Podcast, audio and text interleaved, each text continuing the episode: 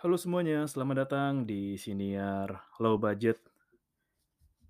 Gue baru banget pulang jam 12 malam, kurang sih. Dan tadi sebelum bersih-bersih, biasa aja gitu pas pulang, ya sempat cek-cek medsos. Dan sampailah gue kepada satu kiriman screenshot di tweet at conformfs convo mfs convo manfest kali ya. Judulnya gini judulnya gini. Kelakuan ade cowokku waktu aku tinggal mandi guys. Lucu banget jadi terharu. Dilampirin nih screenshotnya. Mama ini saya itu kan. Terus besok saya rapot diambilkan kakak. Sepertinya saya naik kelas 2 kelas 2 saya sudah bisa mandi sendiri sudah bisa makan sendiri saya sudah menjadi anak hebat sepertinya saya pandai saya mendapatkan nilai 100 100 tema Mama sedang ngapain? Di surga tidak ada HP ya sepertinya. SD, SMP, dan SMA saya sendirian. Katanya kakak, kalau setelah SD ada SMP apakah benar? Dadah mama, kakak sudah selesai mandi. Jangan bilangkan kakak saya pinjam HP-nya. Hormat. Nah. Dan ada lagi reply dari Ed Takseiman. Halo, aku sendernya. Namanya Novan si yang selalu minta foto tiap jenguk mama. Nah, jadi kalau gue lihat adanya Novan lagi kangen mamanya sih. Terus ada Novan ini iya kelas 1 naik kelas 2 ya. Pas bacanya ya tiba-tiba langsung nangis sih gue. Apalagi lu kalau lihat reply-reply-nya deh. Baru kali ini sih gue gue senang banget kayak ngeliat reply di Twitter yang sama-sama cerita. Jadi lu bisa lihat di sini kayak ya nggak cuma Dek Novan doang yang gitu, ada teman lain yang ya gue kira gue doang yang begitu. Ternyata ada juga kayak lagi apa badan badan badanku pegel-pegel nih nyak. Ke mana bisa ada kerjaan stunning bahas sinetron di TV. Terus ada lagi yang uh, kasih screenshotnya obrolan-obrolan yang dikirim ke kontak entah itu ke orang tuanya, ke ibunya atau ke mamasnya. Wow. Uh, iya sih. Karena emang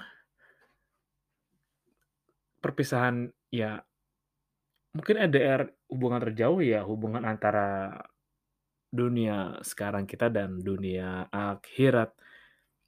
Ya emang di surga nggak ada HP, jadi ketika lo kangen orang yang udah nggak ada pun ngubungnya juga lewat doa. Dan gue bisa sih kebayang bagaimana kangennya Novan sama mamanya. Karena gue juga pernah punya pengalaman ditinggal salah seorang sahabat yang penting banget dan sangat-sangat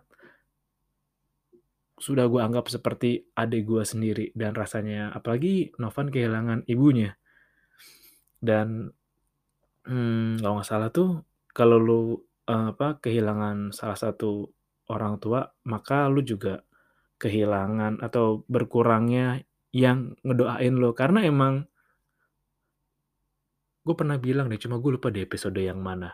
Kalau suatu ketika lo tiba-tiba ngerasa beruntung tiba-tiba lo ngerasa wah hoki nih.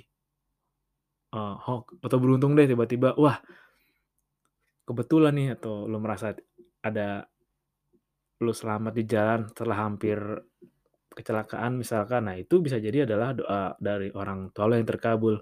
Pun dengan usaha lo berusaha biar misalkan masuk ujian masuk SMA negeri atau PTN atau lo lagi interview di perusahaan yang lo mau banget masuk ke sana. Salah satu faktor yang ngebantu untuk suksesnya jalan lo terutama sebagai anak adalah doa orang tua. Kayak pas banget sih kayak lagi tengah malam terus gue baca gini dan emang sih waktu tengah malam itu enak banget buat merenung buat mikirin lagi banyak hal yang gak sempet lu pikirin karena siangnya lu udah terlalu sibuk pikiran lu difokuskan sama hal yang lagi lu perjuangin ya entah lu berjuang di pekerjaan lu usaha lu sekolah lu atau lu berjuang dengan wirausaha lu, apa pun itu emang waktu yang paling tenang untuk berpikir kembali, waktu yang paling enak untuk lu ngobrol sama diri lu sendiri, dan bahkan me time terbaik lu menurut gua sih di malam hari, terutama ya setelah jam 12.00 ke atas, karena emang suasana hening, hanya ada lu dan diri lu, plus apa yang lagi lu pikirin dan baca tweet tadi tuh dari kiriman Kakaknya Novan, emang bikin gua nangis sih.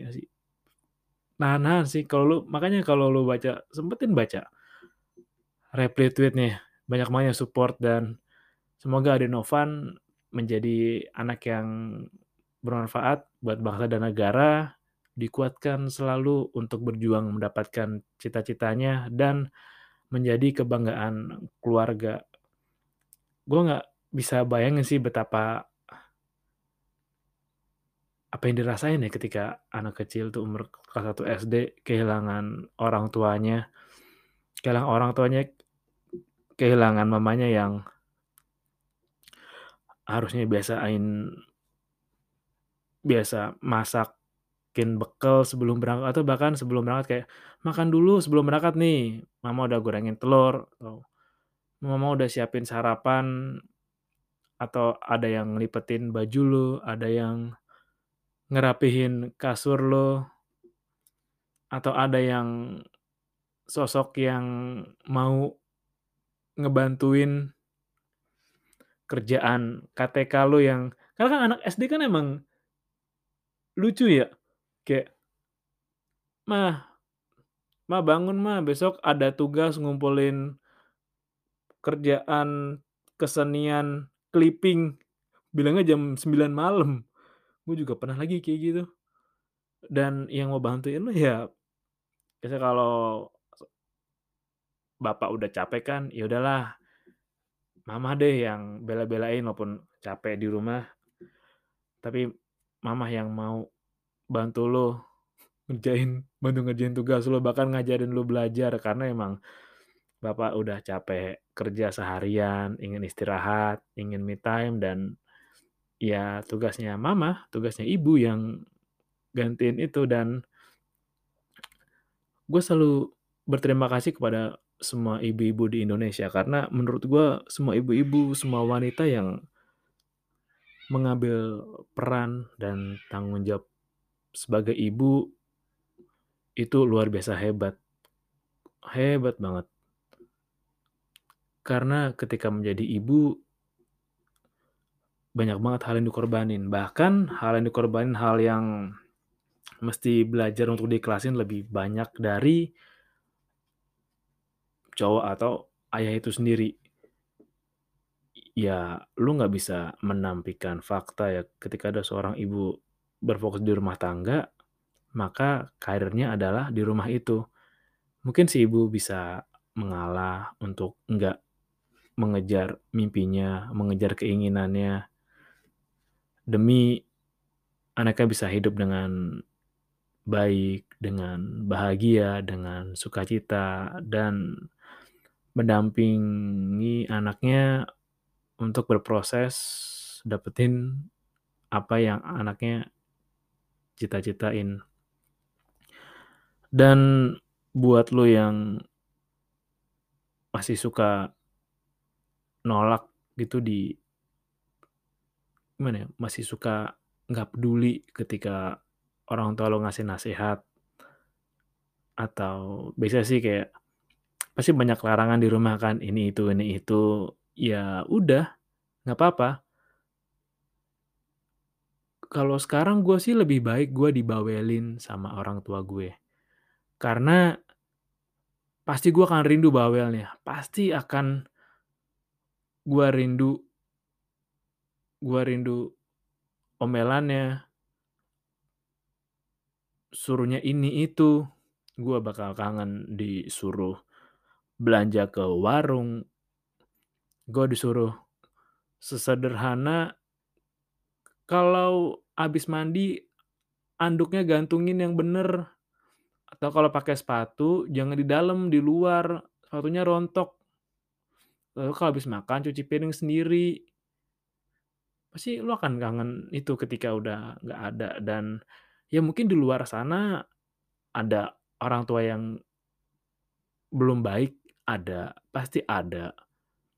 Tapi ya gue rasa mereka juga punya alasan untuk itu dan kalau memang ada yang demikian, ya maka lu jangan seperti mereka, harus terputus di diri lu. Kalau emang menurut lu orang tua lu nggak baik karena ya melanggar norma-norma atau melakukan hal yang dilarang, ya udah lu jangan ngelakuin. Belajar untuk tidak mengulangi kesalahan mereka, belajar untuk tidak mengikuti kesalahan mereka dan harus terhenti di elu kebiasaan buruk itu. Dan ini gue pernah baca kutipan yang bagus, bagus banget kutipannya. Gue bilang ini karena ini jadi motivasi tersendiri sih buat gue. Lo pasti juga pernah denger ini kata-kata yang bilang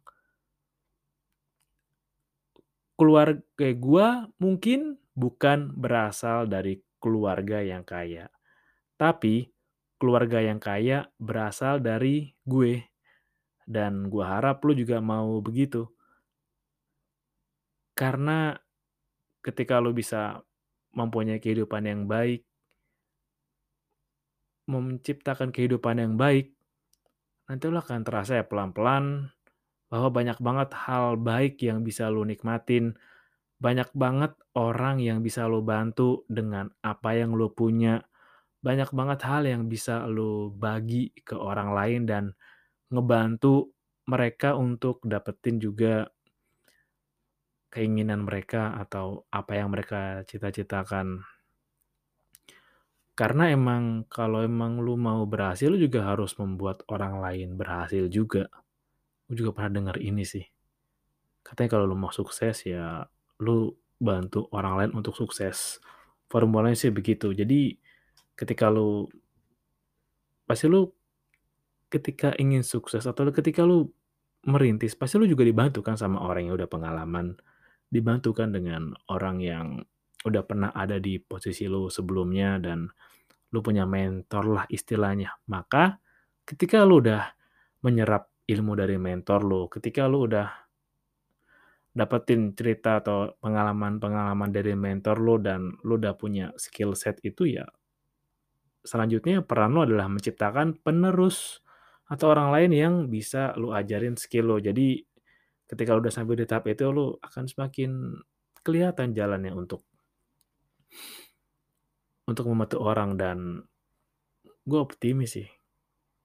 Lu bisa mendapatkan kehidupan yang lebih baik.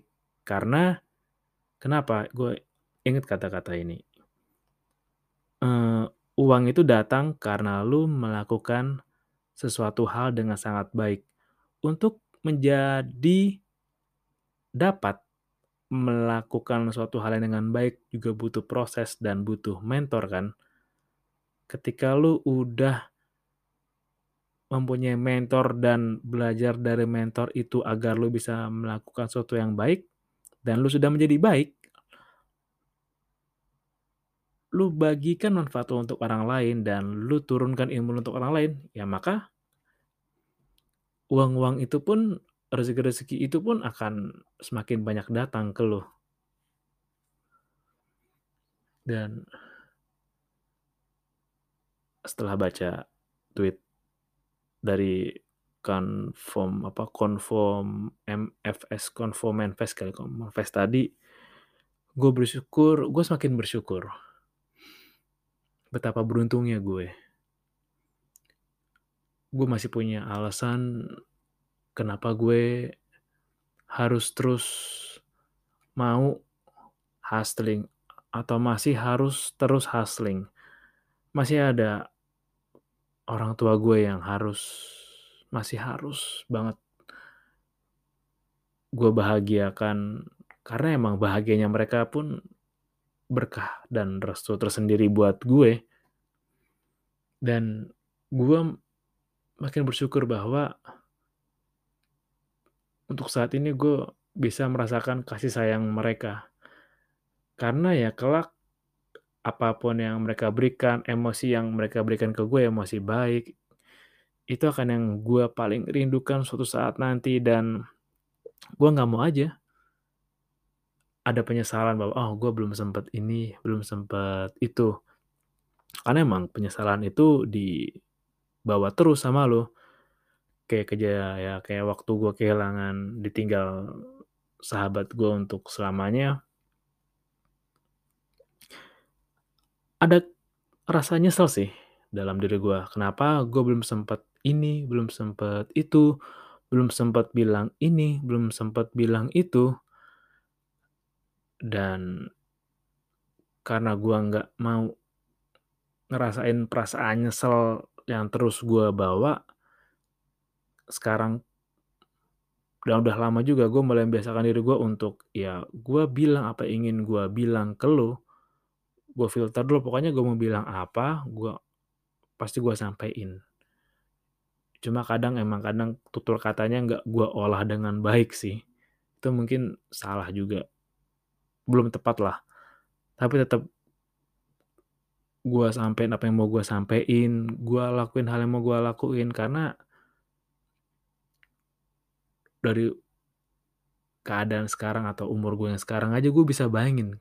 Gue udah 50 atau 60 tahun gue rebahan di kasur malam-malam dan gue bisa bayangin nyeselnya gue kalau gue nggak. Coba gue dulu bilang ini ke ini. Coba gue dulu menyampaikan perasaan gue ke dia.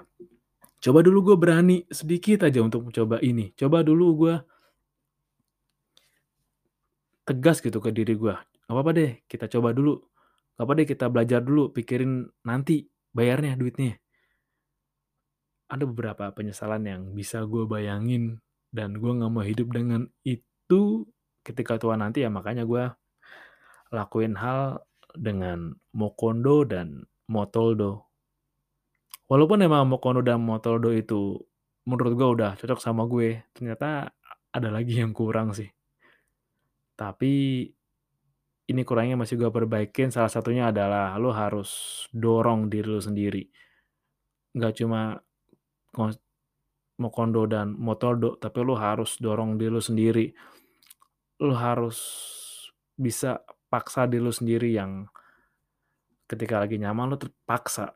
Karena untuk dapetin kenyamanan belasan atau puluhan tahun ke depan, lo harus mulai nyicil dari sekarang. Itu yang benar-benar masih gue paksain dan sudah sedikit demi sedikit bisa gue paksain bahwa semua manfaat yang gue bisa rasain nanti bisa gue peroleh dari hal-hal kecil konsisten yang bisa dan terus gue lakuin dari sekarang. Wow, perenungan malam ini berkat di Novan. Terima kasih ya, Dik.